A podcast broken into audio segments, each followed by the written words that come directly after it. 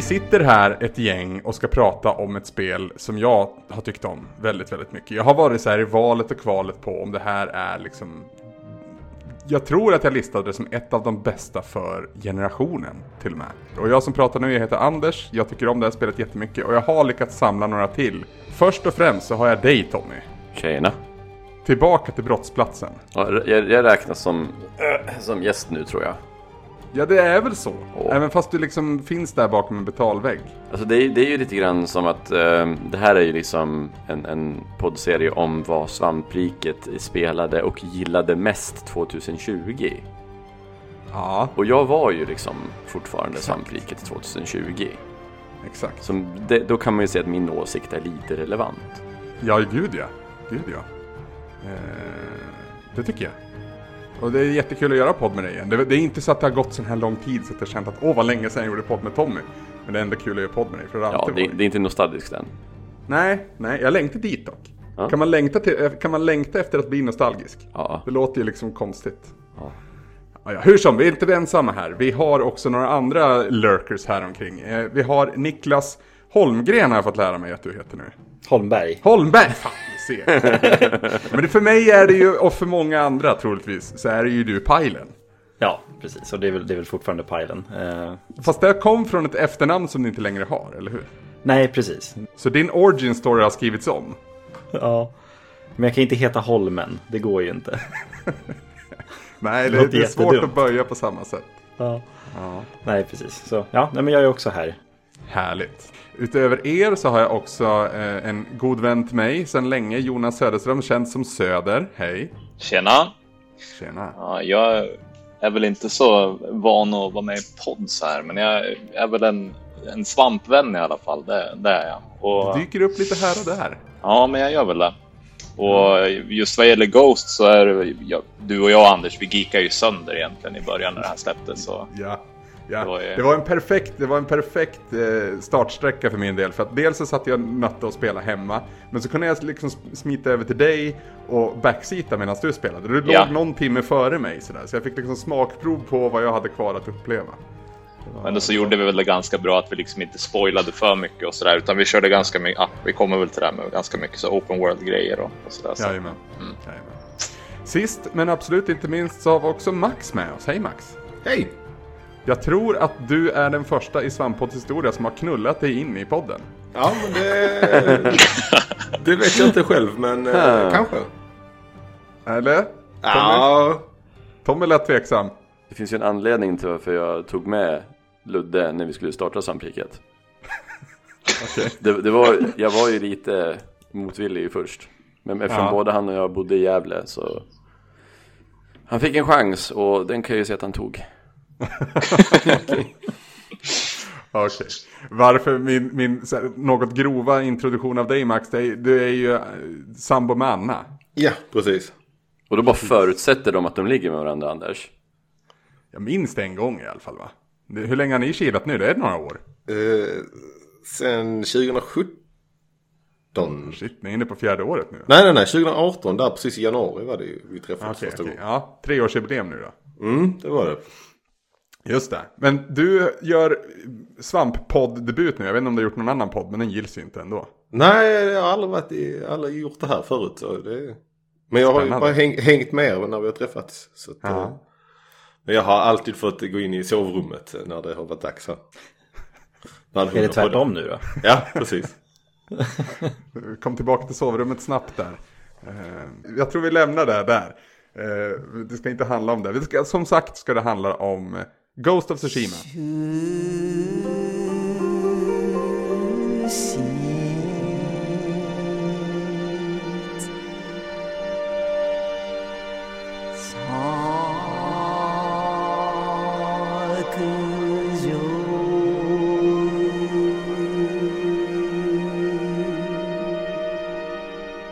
Utvecklat av Sucker Punch. Eh, En av mina favoritstudios. Troligtvis den på nummer ett om jag är helt ärlig. Vid det här laget är det nog så.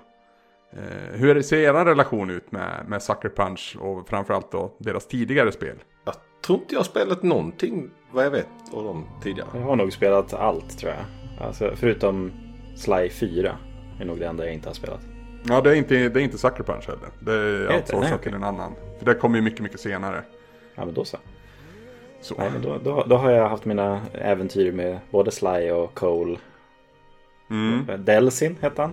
Ja, Second precis. Son. Ja. Eh, varför jag frågar det här, det är för att vi, vi snackade här lite innan, men när liksom Ghost of Tsushima utannonserades så såg man ju ganska tidigt vilket typ av spel det här hade för ambition att vara. Och det är ju någonting väldigt annorlunda utifrån vad Sucker Punch tidigare har gjort. När man väl spelar spelet så ser man ju liksom spår av deras tidigare spel. Jag tänker till exempel på hur klättermekanik och så fungerar. Det känns ju väldigt mycket igen från Infamous-serien. Det är väldigt smidigt och enkelt att hoppa sig fram. Men eh, det var ändå ett, ett nytt kliv ut i någonting som jag inte riktigt visste vad, vad det skulle bli. Eh, men i och med att vi sitter här nu och pratar om ett av eh, årets tio bästa spel då, får vi väl klassa det som.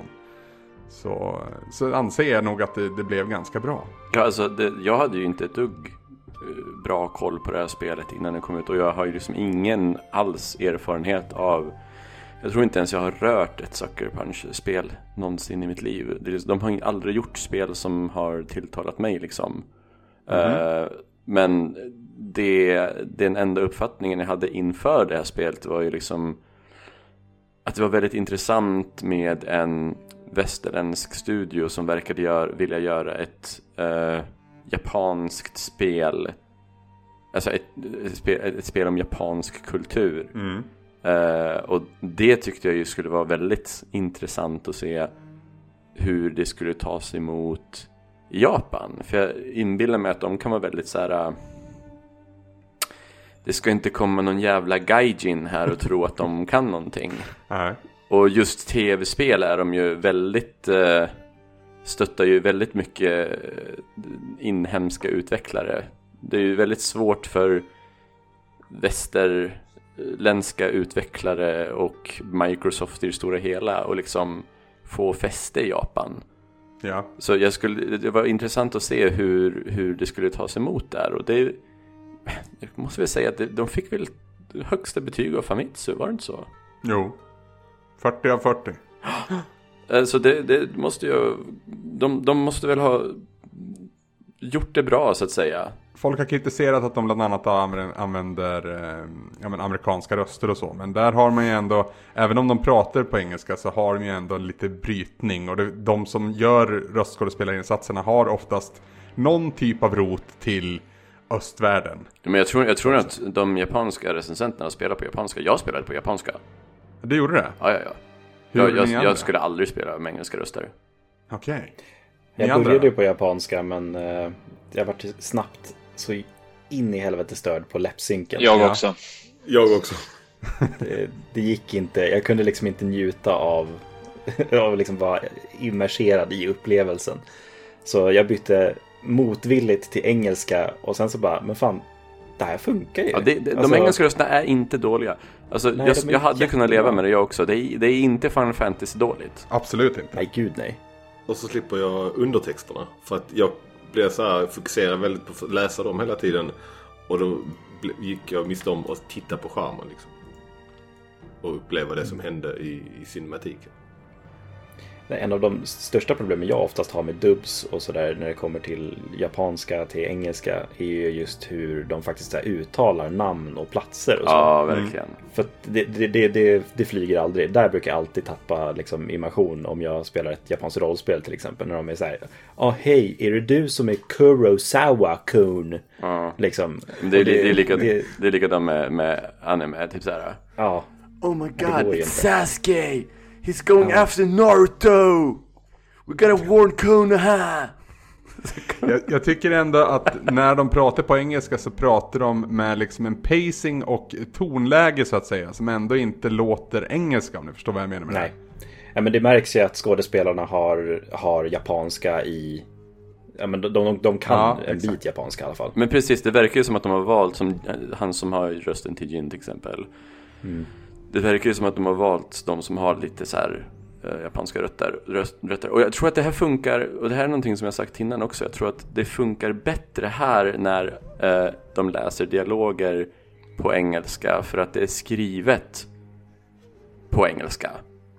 Uh, ur ett uh, engelskt uh, narrativ uppbygge så att säga. För jag tror att när man lyssnar på så här bra röstskådespelare som Jennifer Hale och sådär. När de ska göra voiceovers till de amerikanska, de engelska rösterna i till exempel Final Fantasy-spel. Så blir det dåligt trots att man vet att det här är bra kompetenta röstskådespelare. Och jag tror att det måste vara för att japanskt eh, berättande inte har samma rötter som det västerländska dramat. Att de har något annat sätt, som liksom, det är någonting som försvinner i översättningen. Mm. En annan pacing hävdar jag. Ja, det är någonting som känns onaturligt när man översätter den berättarstilen rakt av till engelska. Ja. Men här är det ju skrivet på engelska av engelsktalande. Så jag undrar, men det verkar ju funka eftersom japanerna verkar ta emot det så bra, så verkar det funka åt det andra hållet på något vis. Men det kanske Mm. är för att de är så vana med amerikanska filmer och sådär, så de är lite mer anpassade än vad vi är till japanska eh, berättandet. Om man kör eh, japansk tal, eh, gärna kombinerat med Kurosawa mode, alltså svartvitt och lite filmgrain och sånt där, så får man ju snarare så här känslan av old school kung fu-filmer, när- där dubben är helt ur synk åt det andra hållet istället. Ja, Men han som, han som är eh, voice actor för um, Jin eh, på, på engelska, är, är, det, är det inte han som även är alltså the face av, av Jin? Alltså de, de, de kör samma. Alltså, Jo, jag tror det. Kan vara så ja. jag tror, han är, ska väl vara en erkänt bra voice actor liksom för, för Ja. japansk. ja, jag tycker... Jag hade lite svårt med Jin, vi kan väl gå vidare dit då. Jag hade lite svårt med Jin i början i att jag tyckte att han var väldigt uttryckslös. Men liksom sakta men säkert under resans gång så växte han på mig och mo- mot slutet så kändes det snarare som att det var en poäng i att jag skulle känna så. En stor del av liksom handlingen i det här spelet handlar ju om att gå emot vad man egentligen tror på. Gå emot liksom tradition och, och löften man har gett och så. Eh, Och i Jins fall så handlar det om att gå ifrån samurajkoden för att istället bli någonting annat som är liksom, ja, härstammar till spelets titel. Jag, jag var precis som du Anders, att jag var väldigt osäker på Gin och liksom det riktningen som spelet skulle ta. Eh, alltså just när man fick se Ghost of Tsushima för första gången så vart jag överlycklig över att få se en liksom samurajtolkning i spel för det första. För att det finns alldeles för lite sånt som är liksom storydrivna samurajspel. Det är alltid liksom ninjor. Och ja, samurajer är bättre än ninjor. Ni får skicka hatmejl till mig sen. Men eh, att jag varit så jävla pepp på att få se den här samurajtolkningen. Och sen så fick man se det här lite mer ninja-aktiga gameplayet. Jag var så jäkla orolig för att de skulle ta bort hela den här samurajgrejen. För att få ett spel som är förankrat i samurajernas liksom tro kring Bushido och liksom The Way of the Blade och hela det här heden och hederskulturen kring deras uppväxt och så de är tränade till att bli i princip emotionellt lösa liksom slaktare som ska liksom beskydda eller förstöra. med jedis. Ja, typ. Eh, det är liksom en så jäkla intressant setting att sätta ett spel i. Och jag var så jäkla orolig för att de skulle schabbla bort det här med liksom ninja-grejen. Med facit i hand så skulle väl jag hävda att det gjorde de inte utan de tog verkligen tillvara på det istället. Ja. För du har konflikten så naturligt där med din uncle. Jag kommer inte ihåg Det vad var han så heter nu. jäkla... Eh, vad, vad fan heter han? Jag kommer inte heller ihåg. Shimura. Shimura, just det. Ja. Precis. Men att, att de tog den tolkningen. Jag såg, det kom helt chockerande för mig att de skulle ta den grejen. Att det skulle vara den här liksom, interna kampen mellan Jin och liksom, hans uppväxt. På det sättet. Och det, det var så jäkla roligt att se. Att de gjorde det så jävla bra också. Och verkligen tog vara på det här som jag ville. Den här Bushido-koden. Det, ja, jag tyckte att det var fantastiskt eh, porträttering av Jin och eh, den här japanska kulturen i samurai hederskultur. Alltså det, det kom från ingenstans för mig. Det bara dök upp när jag satt i Playstation Store en dag och bara tittade här en trailer. Och, och det var väl typ någon gång i slutet på april eller något sånt. Så det, det var inte så lång väntan för mig från det kom. Och, och jag blev så här, oh häftigt, samurajer, det här blir bra. Och sen så blev jag lite orolig när de visade det här med lite gameplay med att man skulle ja, kasta grapple hook och svinga från träd och allt vad det var. Men, eh, men det, det behövde man inte göra om man inte vill ju. Kunde vara samuraj om man ville vara det liksom. Bortsett från några, några få sådana Metroidvania-eska eh, liksom gameplay-upplägg så har det ju faktiskt väldigt stor frihet i hur du tacklar alla dessa mongoler. Eh, som vi nämnde, om man, om man går samurajvägen eller ninjavägen så att säga. Och, eller kombinerar dem. Jag upptäckte att jag spelade om det lite grann eh, sen när det här New Game Plus kom. Och, och då körde jag om det och var lite, spelade lite mer aggressivt. Och då, eh, där är ett, ett tidigt mission eh, eller uppdrag som man gör. Och där är faktiskt skillnad på vad man får för kommentarer från den som är, med ändå. Det är den här, eh, han, den här, han med bågen. Som, som man, när man ska rädda några sådana här, ah, någon som har blivit kidnappad typ. Och det, det, från, det, det man precis har lärt sig är att man kan smyga. Och, och när man gör det första gången så tenderar man nog att göra det här på ett smygande sätt och liksom köra ninja-stuket. Eh, Och då kritiserar han en för vad man gör. Men i andra gången så bara risade jag in, eh, högg ner alla så fort jag kunde. Och då eh, sa han ingenting om det utan då sa han något- faktiskt någonting helt annat. Det, det, det är schysst liksom. Mm. Alltså, jag måste ju ge cred på, med tanke på, alltså, man, de, när de introducerar eh, smygandet så har man ju liksom inte så mycket val utan man måste ju liksom eh, genomgå den där pyttelilla tutorialen eller vad man ska säga. Men jag måste ändå ge cred till, det, till just det segmentet av spelet också för att de vill ju framställa det som ohederligt och hemskt men nödvändigt.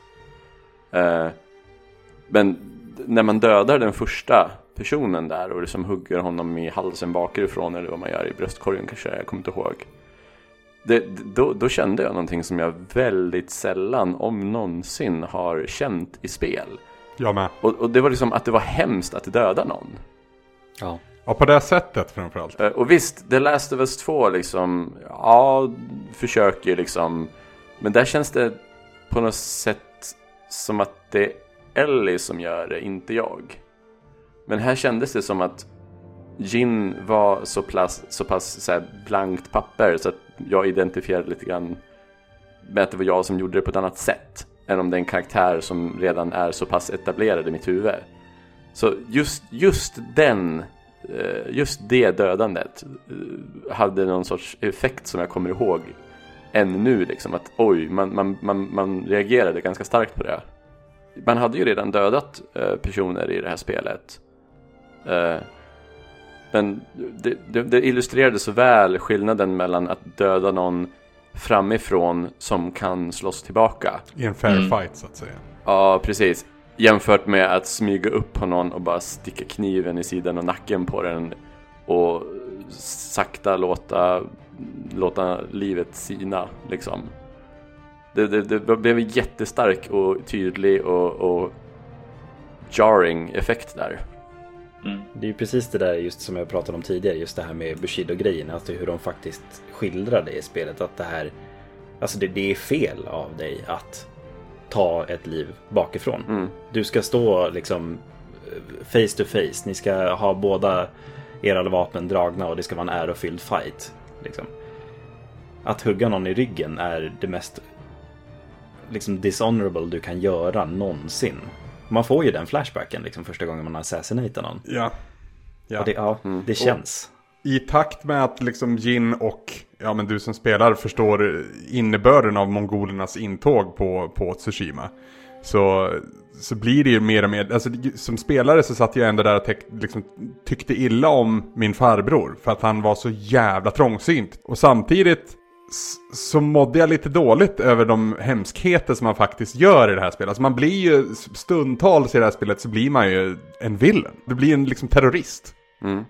Mongolerna och hur sätt, sättet de för krig på är egentligen inte något annorlunda än sättet någon annan för krig på. De, de, de invaderar precis som alla andra. Liksom, det är ingenting ohedligt med hur de invaderar eh, Tsushima egentligen.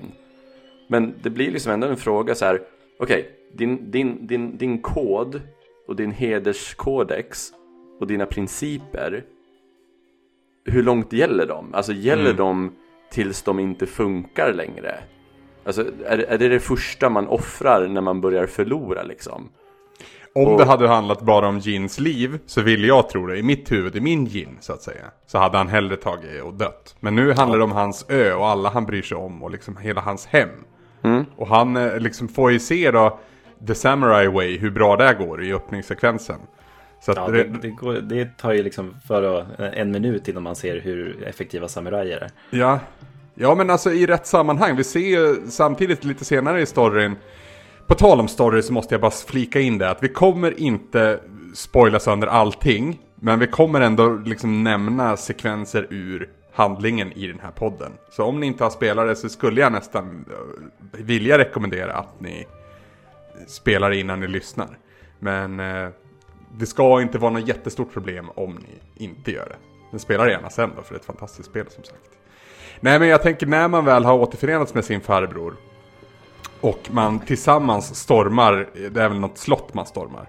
Eh, tillsammans med hans lilla armé. Alltså två samurajer, highly trained, är ju enorma tillgångar i en strid. Får man ändå se prov på där. Men det är ju under rätt förutsättningar så att säga. Precis. Ja, man kan, ju, man kan ju undra om, det var, om de var lite, lite sjuka där i öppningssekvensen. Jämfört med vad de var i. De var lite krassliga jämfört med vad de var sen när man stormade det där fortet. Ja, det, är, det är vissa saker som man bara får så här, anta i det här spelet Ja. känner jag. Eh, Suspension of disbelief tror jag det kallas. Ja, precis. som när den här lilla gerillastyrkan eh, håller på och svälter. Mm. Och de, de har ingen mat. Och så springer det runt djur överallt. Okej, ja. men... Det, ja, Kanske ja, men, vegetarianer, inte vet jag. Ja, det, det, det, det är ett tv-spel. Ja, men där är ju en sån här, jag vet inte var jag fick den. Jag, jag tror det, det är väl de här tipsen med, i laddningssekvenserna så här, Att man dödar inte hjortarna. De, de eh, är heliga så de får man inte döda. Lite som rävarna. Precis, precis. Vår gode vän Otterbrand var ju första han gjorde var ju att börja jaga räv för att döda dem. Nej! Jävla svin. Nej, fan. Det kan man ju inte göra. Man kan, jag dödar inte en enda räv. Inte jag heller. Nej. För mongolerna dödar ju rävar. Ja, Och då, Ja. det, det var ju mitt största, nej nu jävlar i det här spelet. Typ alla, alla upphängda förkolnade lik på, på krucifix och sådär. De är inga söta.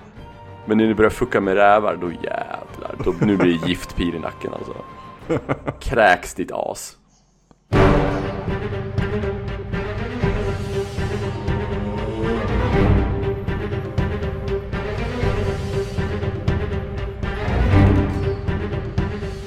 Det finns ju massvis med aspekter att, att prata ur det här spelet. Men jag känner att vi får någonstans begränsa oss lite, annars kan vi sitta flera timmar här och det är inte riktigt tanken. Så jag har ju gett er lite hemläxa, eh, ni som ska podda här med mig ikväll. Om liksom vad ni tar med er mest, om ni liksom bara handplockar tre grejer i huvudet som liksom berörde er. Eh, det kan vara liksom key moments, det kan vara det visuella, det kan vara vad som helst. Men vad, vad, vad om ni tänker tillbaka på Ghost of Tsushima nu, vad är det som gör att det kittlar så där gött i magen när du tänker på det? Stridssystemet. Ja, stridssystemet. Det, det, var, det, det är det bästa. Jag tänkte ju till en början att det här är ganska basic. Eh, Men i och med de olika, fyra olika stances så blir det ju ändå väldigt, väldigt variationsrikt. Och att du inte, eller det beror på vilken svårighetsgrad du spelar på, men att du inte behöver eh, hugga och hugga och hugga. Utan de har ju löst det på ett fint sätt eh, som är så här, det känns som att det funkar också så. Att en, en, en fiende eh, parerar eh, dina slag eller, eller liksom blockar dina slag tills du bryter igenom hans eh, stam, stamina typ. Och sen så kan du börja göra eh, skada och då krävs det typ två hugg eller sånt. Och kör du på det svåraste så är det ett hugg. Och det känns så jäkla nice liksom. Det känns som att det är inte det här eh, bullet sponge fiender. Nej, utan det är riktigt vassa svärd du slåss med. Precis. Det, det är ju verkligen en sak spelet ska ha en stor eloge för just svårighetsgraderna också tycker jag. Att, så här, jag, jag testade lite och skifta emellan dem i början och sådär. Jag landade på att spela på hard. Eh, men att det inte är så här, ja men okej nu ska jag spela på hard. Ja då slår de hårdare och har mer HP. Nej, utan de slår snabbare. De, De är mer aggressiva typ. Ja, precis. Och eh, det- är liksom sådana saker som utgör svårighetsgrad istället för liksom, ja, men mer liv och eh, liksom mer attackstyrka. Men, Ja, för även om du sänker svårighetsgraden till easy så fuckar du upp så fuckar du upp och då är du död snart. För att det är fortfarande vassa svärd som du slåss med. Så att det, jag, jag uppskattar också att det inte är sådana enorma kliv mellan easy, normal och hard. Och nu finns det väl ytterligare ett eh, läge. Lethal va? Ja, precis. Det bästa. Ja. Det jag måste säga att det är det bästa. Det är så spännande att spela. Eh, speciellt när det kommer till de duellerna man gör genom spelet. Ja, Men det, det är ju ett spel, det är så fantastiskt korta laddningstider på, på Playstation 4 som det är. Så gör det inte så mycket att man dör då och då. Nej. Men, fantastiskt korta laddningstider. Jag tänker så här, jag, jag sitter ändå med en PS5 här hemma. Jag undrar, det lär inte vara någonting. Ja, det var väl till och med en sån grej att de gjorde artificiellt längre laddningstider för att folk inte hann läsa tipsen. Ja, så kände jag lite grann. Ja, så kunde det nog fan vara i början. Så, det, så jag tror att det var så från början, att de hade optimerat det så pass bra att laddningstiderna gick för fort. Så att de gjorde liksom så att det gjorde lite till.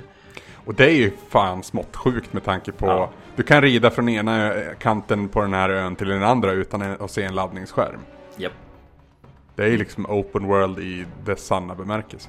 Kan man det? Jag har för mig att man måste porta igenom det, det är tre delar.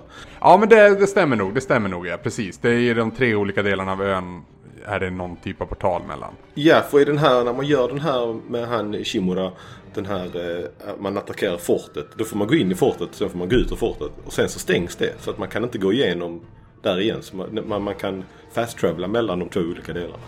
Just det, just det. Ja, Okej. Men det tar ingen tid. Men, men ja, det...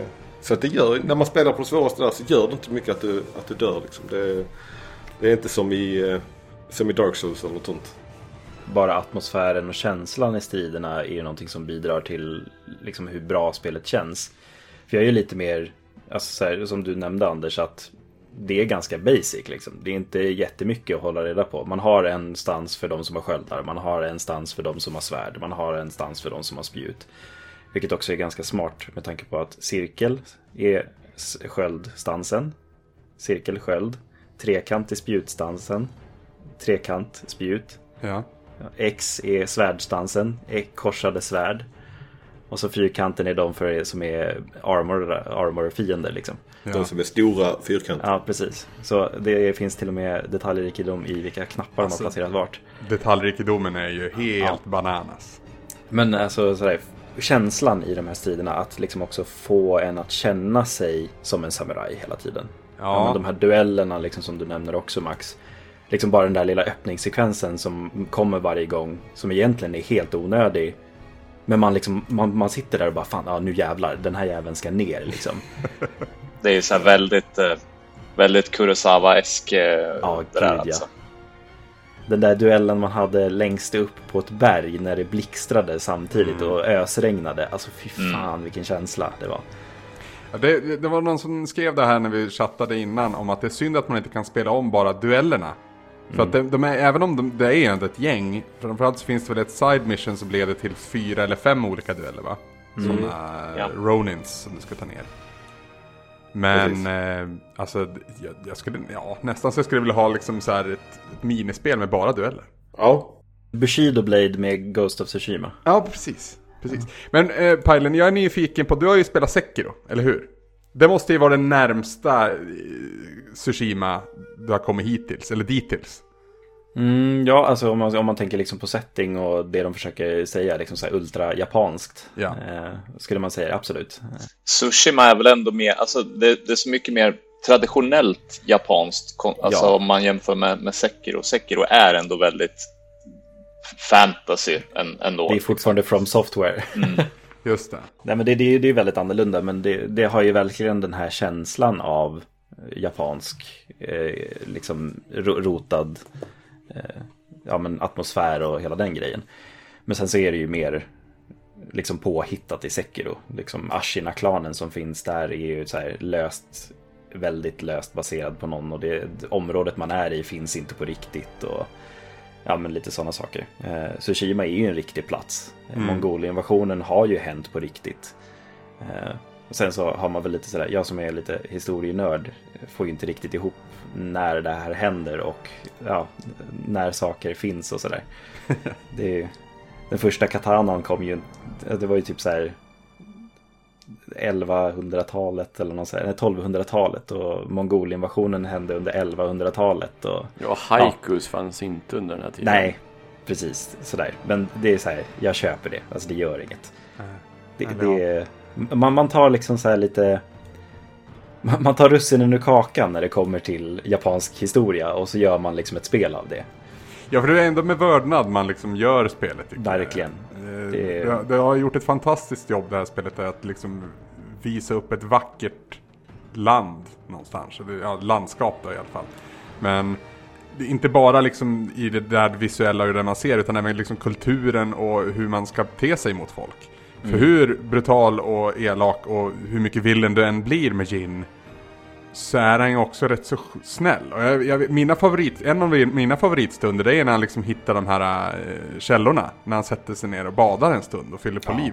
Och man får liksom välja vad han ska fundera på. Och ju längre in i spelet det kommer desto längre från spelets handling kommer han ibland.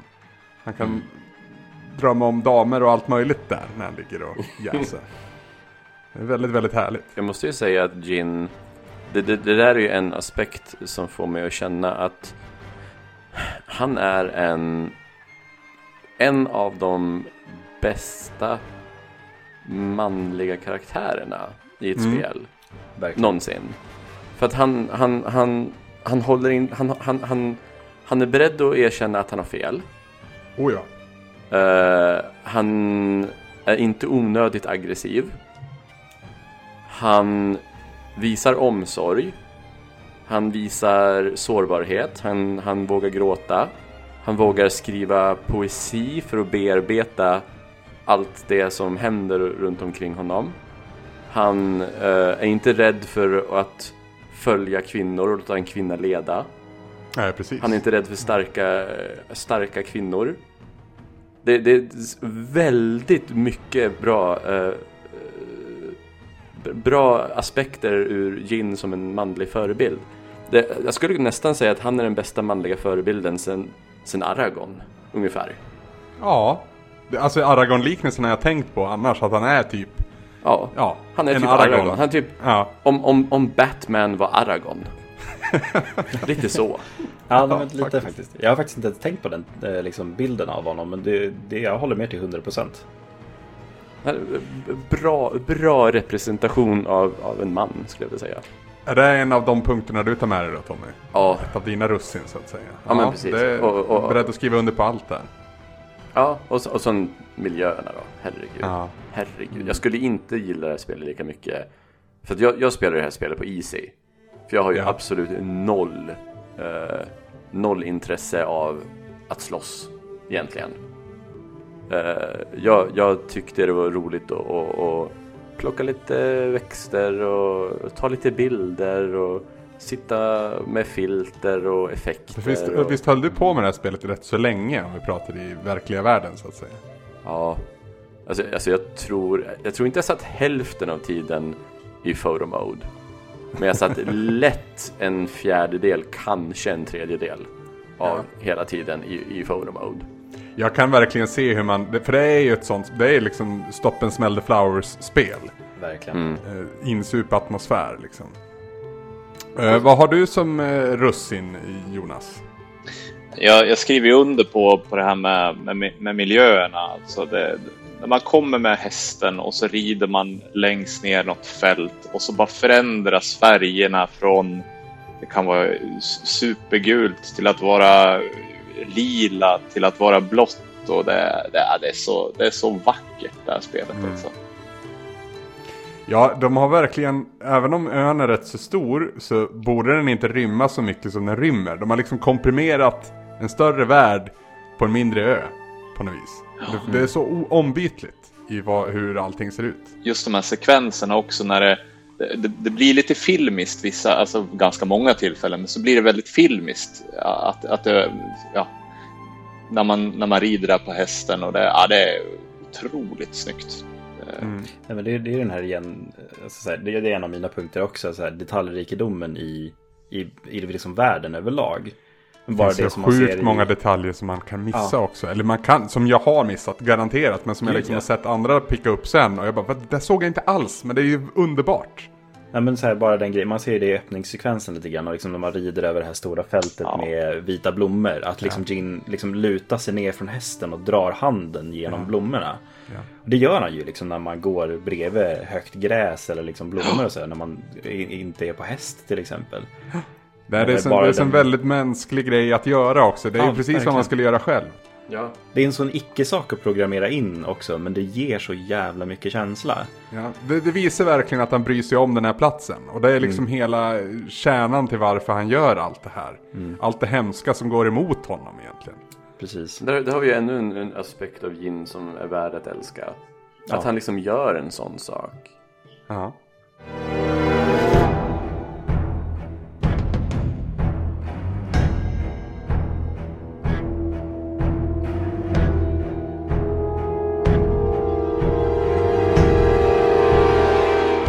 För att fortsätta med de här tvära kasten då så tar jag ett av mina russin. Och, och det blir ju någonstans att han också går åt det andra hållet. Att han blir terroristen som är liksom mening med syfte att skrämma. Och då tänker jag på första gången man använder Ghost Stance och aktiverar den. När det inte står Assassinate utan Execute på din fiende. Och man ser, alltså det, jag får rysningar nu när jag pratar om det. Ja. Jag, jag, alltså det var sånt jävla moment det här för mig. Eh, man ser dina fiender bli liksom terrified of you. Mm. Och jag har ju, jag spelar ju, det här är ju första spelet som jag spelar på min, eh, gud jag vet inte hur många tum det är ens. Men det är en sån här Ambilight TV. Så när man gick in i, i, i det där modet, hela rummet blev ju illrött. Oh shit. så Ja, här vad knallrött nice. på väggen och rött på taket och rött på golvet. Så det blev ju extra mycket effekt för det här liksom. ja. Alltså, Häftigt. Där nådde spelet en ny höjd för mig. För de, dels då fick det liksom den här enorma empower-känslan av att du är en sån jävla badass. Så den hade ingenting att komma, vad heter han? Han heter Temuge eller någonting sånt där. Han hade ingenting att komma med mot dig. Och de springer för att de är terrified of you som sagt. Och sen håller han någon sån jävla tal att, oh, det, är ett, det är ett väldigt, väldigt cheesy tal. Men i kontext så funkar det så jävla, jävla bra. Också att han släpp, alltså den, den punkten där han liksom släppte allting han stod för. Ja, För liksom sitt hem. ja. För de som bor kvar. Det, det, alltså, jag kommer tjata massa om det här men alltså ur Bushido-aspekten igen. Att, att hugga huvudet av någon. Det är alltså det, det ger vanära åt dig, hela din familj, hela din ett. Ja, för det, det är ju det. Dina, dina allies står ju och liksom gapar och tittar på. Ja, Eh, till slut. Det händer ju sån, en sån grej lite senare också. När eh, ens farbror är med. Ja. Och där går han nästan ett steg längre. Ja. Också jä- jäkligt berörande kring, eh, kring hur hans eh, farbror reagerar. Ja, och man känner, alltså när, när ens far, när, det är också någonting som de gör väldigt effektivt. Att man, man känner faktiskt lite, sig lite smutsig och skamsen. När, Gud, ja. han, när han blir så, här, så besviken på en. Mm. Man Man- känner man besvikelsen. Ja, man känner inte så här, men fan, du är dum i huvudet, håll käften. Utan man känner typ, usch, ja, jo, fan, förlåt. Men samtidigt då, eh, för att det, det blir ju så. eh, Shimura heter han va? Lord Shimura. eh, Är ju den som då drar dig i samurai-armen. Och Yuna är ju den som drar dig i thief slash ninja-armen. Och för att fortsätta i din linje Tommy, så det är ju så. Han skyller inte ett jävla dugg på Yuna, för det är han som har gjort det. Och när det väl kommer fram sen då, det han gjorde, att det har vänts till eh, deras nackdel. Så är han ju inte mer än att han owns up to it.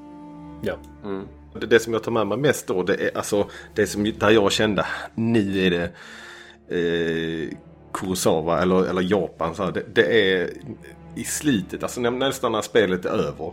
Eh, men då har man i och för sig fått lära känna alla och man har liksom upplevt det, liksom äventyret. Och sen så kommer den sista eh, lavetten liksom.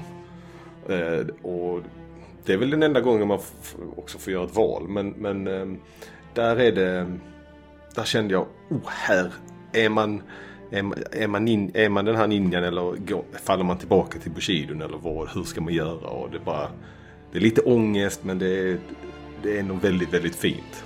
Och de där löven som trillar där i slutet Mm. också.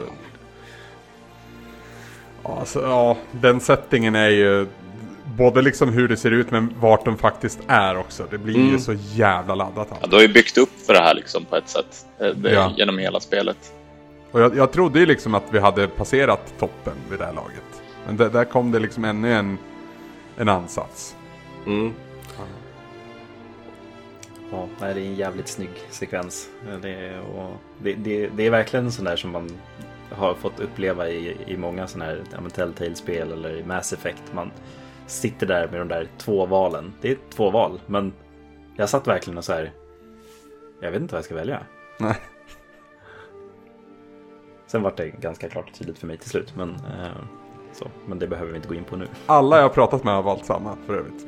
Men, men vi, ska, vi kan inte prata mer om det här utan att spoila. så att vi får eh, dansa vidare tror jag. Har du något mer russin Tommy?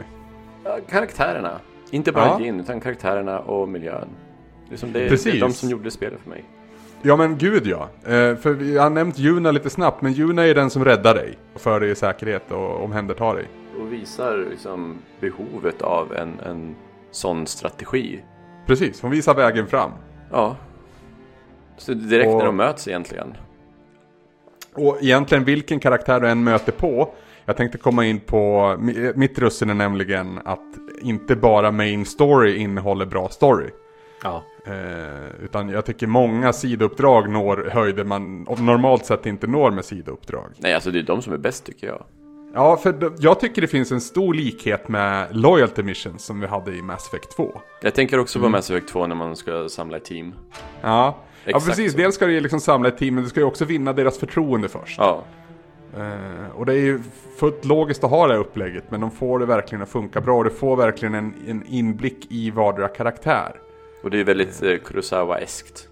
Och de här Mythic Tales också som så här målas upp i liksom så här, det är liksom penseldrag. Ja, det är snyggt. Det är faktiskt Coolt snyggt. sin helvete. Jag, jag nämnde att jag backseatade hos dig Söder. Mm. Ett av de, en, en, det- ett av de första, heter de Tales of Tsushima? De här eh, som är liksom lite mer, ja men man får ju en, man får ju en attack. Eh, Man trycker på två knappar och liksom hugger ett, ett Ja men det, det är väl de här Mythic Tales. Ja precis, den första Mythic Tale då, den såg jag först hos dig innan jag gjorde den hemma. Ja, just det. Och just, alltså hela upptakten till det var ju så jävla coolt. Att man jagar, man är på olika platser och liksom så. Och sen då när du får den här duellen och så live-kommenterar Jin. Så här att han, han live-kommenterar, oh he's fast. Och så, och det, det, jävla coolt! Jag kan, jag kokar inombords för att det är så jävla coolt. Kommer ni ihåg det? Ja. Mm. Det var ju den som jag tyckte av var, som var bäst också. Av dem. Eh, alltså jag, jag tyckte de var väldigt snygga och, och, och, och fina de här och själva eh, eh, na, ja, de här sekvenserna av film som de visade inför dem. Men, men den eh, första där, där man fick jaga honom och sen till slut hade världens standoff var ju, var ju den som var bäst tyckte jag.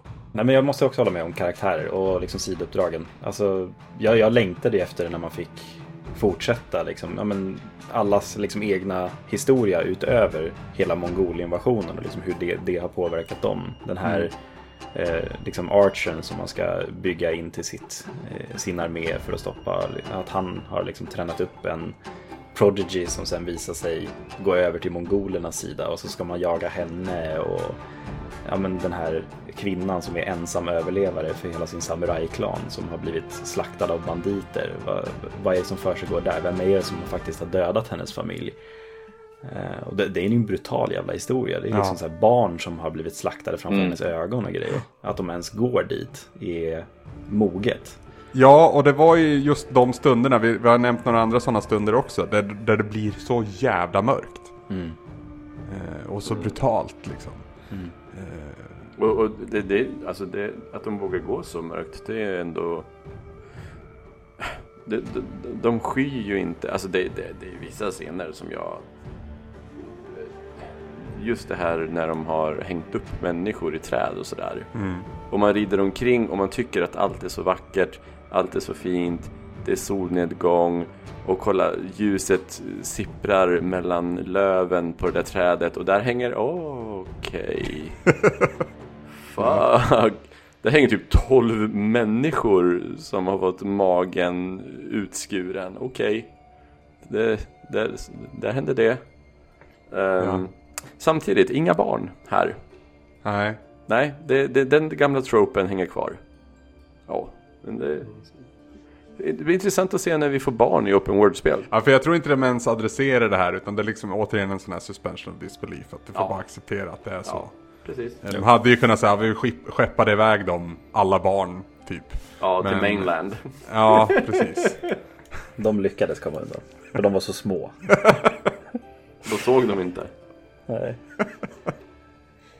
Hur, hur mycket, hur mycket, om vi bara får, får hur mycket ofta bytte ni katana? Eller rustning och sånt bara för luxen? Bara för luxen rätt så ofta. Ja, ja det är Ja. viktigt. Där var jag, jag tyckte det var så jäkla skönt att man kunde, att det inte spelar någon roll vilken katana man har. Alltså utseendet. eh, För att det, det, det, du har ju dina andra sätt att, vilka som är din eh, taktik och sånt. Men så kommer det till eh, din rustning och där, där spelar det ju roll vilken man hade. Där kunde man inte liksom välja en rustningen för luxen egentligen. Ja, det var mer än att du kunde färga om dem och sådär möjligen. Mm. Jag har varit lite chockad över faktiskt hur, hur djupt man kunde gå i liksom hela det här bildsystemet. Jag är ju min maxare av rang i alla spel. Jag älskar ju att göra builds och så. Eh, och jag varit lite chockad när man hade kommit en bit in i spelet. Så fan, jag kan ju fan göra en hel bild med liksom plus 80% i Ghost Weapon Damage. Ja. Mm. Alltså det, det var ju helt brutalt att stå och kasta granater och kunnice och sånt. Det var ju liksom one shot på allting. Och jag liksom bara gick in och sulade bomber och liksom kastade rökbomber och... Jag var så dålig på att använda någonting annat än kunai under liksom 90% av main story. Men det var när jag liksom började jaga platerna sen som jag började dansa med de andra eh, vapnen. För du har ju en hel jävla arsenal med vapen att Gud, ja. tillgå. Gud ja. Och, eh, det tog tid innan jag ville liksom ens prova använda alla. Och sen när jag väl provade i typ så här, tredje akten så säger fan det här är ju skitkul. Ja men alla har ju en Det är användning. skitkul att så här, rökbomba och sen bara hugga dem när de inte ser någonting. Ja. Och kunai, de är ju så jävla OP i det här spelet. Ja men det är det enda. Känna sig badass. Alltså det är så viktigt tycker jag ja, och det här är ju liksom kärnan till var, varför jag har älskat Sucker Punch. För de, de har verkligen dialed in den känslan för mig i spel. För det, det, det arvet känner jag igen från eh, jag ska inte säga Sly Cooper, men ändå det här att du är liksom slug och, och lite snabbare och kvickare än, än dina fiender och så. Finns i Sly Cooper. Men framförallt i Infamous när du liksom bygger upp din superhjälte med dina krafter. Och att du är en one man army. Det översätts nästan direkt in i Tsushima. Ja, bara den för att komma till, till Bilds igen och sådär. Den bilden man kunde bygga med Jins familjerustning. Där man Ja. kunde göra så här standoff med så åtta pers. Och bara slakta ner dem med ett hugg var. Liksom. Jajamän. Så jävla powerkänsla alltså. Men där är det också det här risk-reward. För att failar du där, misstajmar du första attacken eller någon annan attack så tar det enormt mycket skada. Verkligen. Jag vet inte, det känns som att vi någonstans kan börja knyta ihop den här säcken här och eh, gå vidare till det som jag tycker också är beundransvärt med, med hur de har behandlat det här spelet. Alltså dess post-launch eh, service. Ja, det är För, fantastiskt. Det är helt galet där var det eh, tycker Jag har jag. ju bara liksom skrapat lite på ytan med dig Söder. Vi testade det här, eh, vad kan det vara, ett par timmar. Ja. Och vi pratade alltså om Ghost, eh, Ghost of Tsushima Legends. Som är då, hur ska man säga det här då? Det är en rad olika multiplayer-aspekter av, av spelet. Jag är skitpepp på att få höra. Jag har inte spelat någonting av Legends. För att börja lite grann då så, så tycker jag, alltså om man börjar med, med vad spelet går ut för att vara. Alltså ett single player-spel med ett storydrivet spel. Eh, och, och, och för att sen hux flux var det också. Så kommer de att, ah vi släpper ett online-läge också. Det är väl äh, ingen big deal egentligen. Utan de bara släppte det i det tysta. Så kom det ett, Och gratis. och gratis. Det, de gör saker med det här, den här addonen som sätter skam i i stora spelstudios som, som ska göra det här för, alltså det är där deras spel bygger på. Alltså det, de tar ju de, det som är under, underhållningsvärdet i, i fighting, liksom det. Och så lyfter de in det i ett multiplayer-läge. Eh, co-op. Eh, så, så, och sen så bara släpper de lös dig med fiender och det är action direkt liksom. Det är inga, det, det, där finns, det finns tre olika delar då kan man säga. Det finns story mission och så, så finns det någon form av survival mode där man eh, kommer vågor och fiender man ska besegra. Och sen finns det den här eh, raiden typ. Och det, det är bara, det är förvånansvärt hur bra det funkar direkt. Det var liksom inga problem. Eh, det var bara tuta och köra och, och så var det, det enda är ju att när man kör raiden så måste du ha fyra färdiga vänner. Resten kan du ju bara köa upp och köra med random människor. För att gå vidare då på, på karaktärsuppbyggnad och liksom hur man bygger sin gubbe och, och liksom kombinationer med saker här. Så att det här är ju väldigt...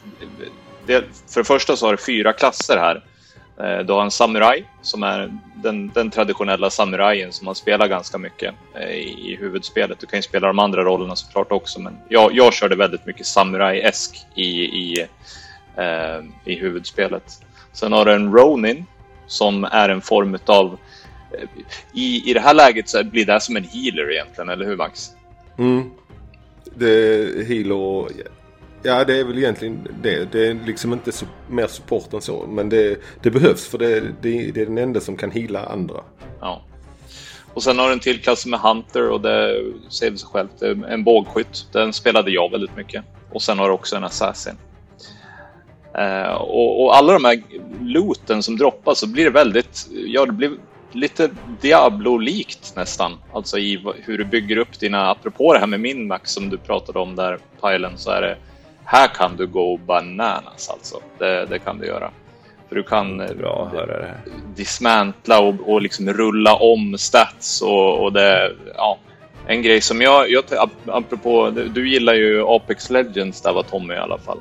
Jajamensan en quality of life-grej som finns i eh, Ghost of Tsushima Legends är ju att du kan pinga. Bara en sån sak är... Eh... Alltså det borde ju alla spel ha. Ja. Verkligen. Jag, sitter ju, jag spelar, har ju plockat upp eh, Overwatch igen för att ha någonting att spela med flickvännen. Och när man är liksom support, healer, och man ser någon som här, försöker flanka men sen Genji eller en Reaper kommer in från sidan där. Om man inte är i, i, i voice då, och det finns inget sätt att säga, säga det, förmedla det. Så det är bara att sitta där och vänta på att han ska komma och smyga upp bredvid en och hoppas att man klarar av det. Alla, det finns ingen anledning för spel att inte ha ett ping-system längre. Nej, så det, det, och här funkar också väldigt bra. Det, det gör det. Mm. Uh. Jag är väldigt nyfiken. Jag har ju bara som sagt, jag körde några story missions med dig Söder. Mm. Men jag var ju aldrig med på någon raid och så. Men jag hörde från liksom, ja, både folk jag kände och inte kände att raidsen var liksom spektakulära.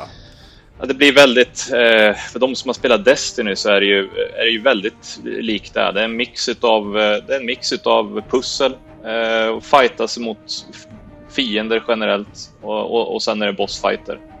Eh, så att, och, och, det, och det, det, är ändå, jag vet inte, första delen som vi spelade Max, ja, men det tog väl oss 3-4 timmar, eh, gjorde det väl alla gånger.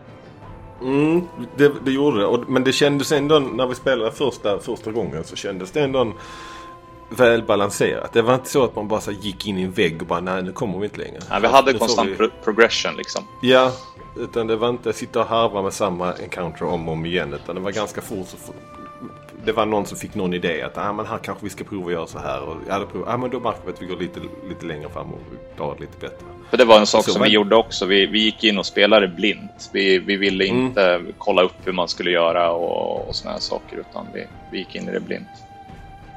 Har det snackats någonting om att det ska komma fler raids i samma läge längre fram? Vet vi det? Eller är det liksom slut här nu? Jag, jag, jag, skulle bli lyrisk om det kom, men jag tror ju inte det. Däremot ser jag med väldigt stora förhoppningar vad, vad Sucker Punch kommer göra härnäst. Det är ju okay. helt, det blir ju... Har de gjort det här, vad, vad, vart, vart, kan, vart kommer det stanna då liksom? Det är ju, ja, shit, kittlande. Jag är en stor vurmare av single player-spel va? Så jag, mm. jag, jag ställer mig så här, ja då kan de fan släppa det på sidan om eller göra ett annat spel för det. Jag, för det, det, det, är ganska troligt, eh, baserat om man liksom lyssnar på djungeltrumman att det kommer komma en uppföljare på det här. Mm. Sucker Punch anställer experter på federala Japan så att eh, Ja. ja, det kommer ju nog fortsätta den här. Och det är ju spännande att prata om också. Vart, vart tror vi, om vi går tillbaka till single player och Jins story då. För Legends handlar inte så mycket om Jin. Det handlar mer om invånare på Tsushima. Ja, det är ju typ no, no, egentligen bara så här på om demoner och, och sådär. Att man är någon form av spökkrigare eh, som Ja. måste försvara eh, ön på samma sätt. För det är liksom ändå i samma, det är fortfarande någon form av demon eh, mongoler som attackerar. Det lite kanske lite otydligt exakt vad det var men jag, jag såldes helt på det. Jag, jag, jag, jag tänker på det på samma sätt som att liksom Legend of Zelda, att det är en berättelse som går i arv och att den ändrar form beroende på vem som berättar. Så tänker jag att det är lite samma sak här. Att det my- mycket är ja, utifrån hur berättaren ser på saken. Ja, ja men det, så är det och, och- det, det jag tror de nämner något sånt att det, det här har hänt förut och nu händer det igen. Och liksom, och så. Ja, nu, precis. nu kommer de här, eh, de här ghostsen tror jag de kallar dem. Eh, nu, nu liksom reser de sig upp igen och måste ännu en gång försvara och det, det är då det här liksom Legends Mode drar igång. Men om vi, om, vi, om vi går tillbaka till Jin då och säger att eh, 2023 så kommer Ghost of Tsushima 2. Vad, vad vill vi att det innehåller och, och hur tar man det här vidare? För det kan inte komma en till invasion, känner jag. Eh, Alltså- kommer det vara mongolerna som är bad guys fortfarande? Jag skulle jättegärna vilja se, för att vara liksom så här japansk historienörd igen. Jag skulle vilja se slutet på Edo-perioden där när liksom Japan kommer in i liksom industrialismen på ett annat sätt. Det. För det finns ju i slutet på Edo-perioden, det är liksom hundratals år efter Jin då. Så det skulle vara någon annan karaktär helt och hållet. Jag tror att det är typ mitten på 1800-talet om jag kommer ihåg rätt. Så eh, det kallas Bakumatsu-perioden i alla fall. Och det är ju då i princip engelsmännen och amerikanerna kommer till Japan som har varit extremt isolerat fram till då. Det är väl lite det man ser i eh, The Last Samurai med Tom Cruise. Ja, precis. Jag satt just tänkte på Tom Cruise. När, när Japan liksom övergår mer till det moderna imperiet som är Meiji-eran då. Som liksom har präglat mycket av det som Japan är idag. Liksom när de kommer in och liksom introducerar skjutvapen och liksom det här totala inbördeskriget mot liksom eh, nationalist, nationalister mot liksom shogunatet. Eh, och det finns ju jätteintressanta grupper där som liksom slåss för eh, olika sidor. Då. Till exempel som Shinsengumi-gruppen då som är liksom elit, eh, elit eh, swordsmen i Japan någonsin i princip. Som liksom bara blir helt krossade tack vare krutvapen. Tror du den, den aspekten skulle vara kontroversiell ur ett japanskt perspektiv? Alltså det har gjorts väldigt mycket på just alltså Shinsengumi och Bakumatsu egentligen när det kommer till till exempel anime eller annan populärkultur i Japan. Så jag tror att de är ganska vana vid att se det. Men att skulle man få den här berättelsen och den här tunga, mörka liksom, grejen att liksom våra, våra sätt nu är fel. Alltså det, det funkar inte längre. Vi måste ge upp allting vi tror på på det sättet. Att, så här, att se det hoppet försvinna. Så här, säg att man spelar en person som tillhör Shinsengumi-gruppen liksom, i den här Bakumatsu-perioden. Försöka försvara liksom, huvudstaden mot nationalister samtidigt som det kommer in folk från andra delar i världen och introducerar någonting som man aldrig har sett förut. Det kan bli samma take på grejen. Ja, Men jag hör det. Jag tror också på det här att man lämnar Tsushima bakom sig. Mm. Eh, där, alltså själva den ön, eh, eh, jag- där är inte så mycket mer att, att göra storymässigt om man inte vill harva i någonting oupplöst eller något sånt där. Men, men i, i någon annan, lite annan större ö eller någon annan del av, av fastlandet. Eller huvud, huvudön och så lite annan tidssättning. kul att se Sucker Punch tolka en storstad, liksom typ Kyoto då. Mm. Jag vet att de har gjort det förut, men tänka sig den detaljrikedomen i ett sprudlande stort Kyoto liksom. När regnet slår ner över hustaken och åskan slår och sen står alla krutbeklädda nationalister i ryggen på dig och du bara allting är förlorat. Ja, jag får rysningar när jag tänker på det. Ja, jag, jag var inne på så här om man skulle göra en prequel, alltså att en uppföljare skulle utspela sig tidigare då. Eh, skulle ju också kunna fungera. Det, ja, där är en sak som jag saknar i spelet och det är att slåss mot något annat än mongoler. Ja, Och det skulle vara häftigt att göra samuraj mot samuraj också. gud ja. Det, Det finns det ju väldigt mycket av i japansk historia. det, och där kände man ju i det här spelet att det fanns en historia på ön redan. Eh, I olika klaner och vilken relation de hade och så. Så det finns ju mycket att bygga vidare på där om man vill. The, the Tale of Shimura. Precis. Hörni, vi har pratat mycket väl och länge eh, om Ghost Shima, ett av svamprikets eh, bästa spel 2020. Har vi några sista avslutande ord innan vi sätter punkt för eh, den här podden? Spela spelet. Titta på spelet, upplev spelet. Ja, Fotografera spelet. Alltså jag känner personligen, eh, det här spelet kom helt rätt för mig. Inte bara för att jag älskar Sucker Punch och var i behov av ett samurajspel. Jag behövde fly den här världen under 2020. ja. Jag behövde vara någon annanstans, jag behövde vara någon annan i en, jag ska inte säga enklare tid. För det är ingen enkel match för Jin det här. Men det var ändå skönt att verkligen verklighetsfly. Jag behövde den här tidsresan, jag behövde fly och stanna upp och lukta på blommorna och bada i varma källor. För att må bra. Det finns, det finns ju både och där. Det finns ju både det, att, eh, möjligheten att stanna upp och titta och, och njuta som Tommy gjorde på det lätta. Och det finns också det här utmaningen med lite, eh, alltså det här harvandet i, i spel med det här svårighetsgraden att göra det lite svårare. Och att man måste nöta lite och lära sig eh, få in den här eh, känslan och flowet i, i, i striderna liksom. Så att det är liksom, det, det är väldigt belönande på båda sätten. Med det så säger vi eh, tack för er uppmärksamhet kära lyssnare och tack för att ni har lyssnat. Och ni då som har tagit er ända hit och inte spelat spelet så hoppas jag att vi någonstans ändå har knuffat er lite mer åt det här hållet. För att även om det här spelet har nu har nått ut till väldigt många, jag tror det var det snabbast säljande exklusiva spelet va? Slog det några rekord för. Ja, för mig det. Eh, så, så tror jag att många fler skulle kunna eh, få glädje av det. Så ut och spela med er. Eh, och till er som jag har gjort den här podden med då. Till Söder, till Tommy, till Max och till Pajlen. Holm, Holmberg. Ja. Titta där satt den. Eh, tack för att ni ville vara med och hjälpa mig med det här. Det var, så, det var trevligt. ja, det var så lite så. Det var så lite så. Tack själv. Tack och hej! Hej då. Det bra. Hej då!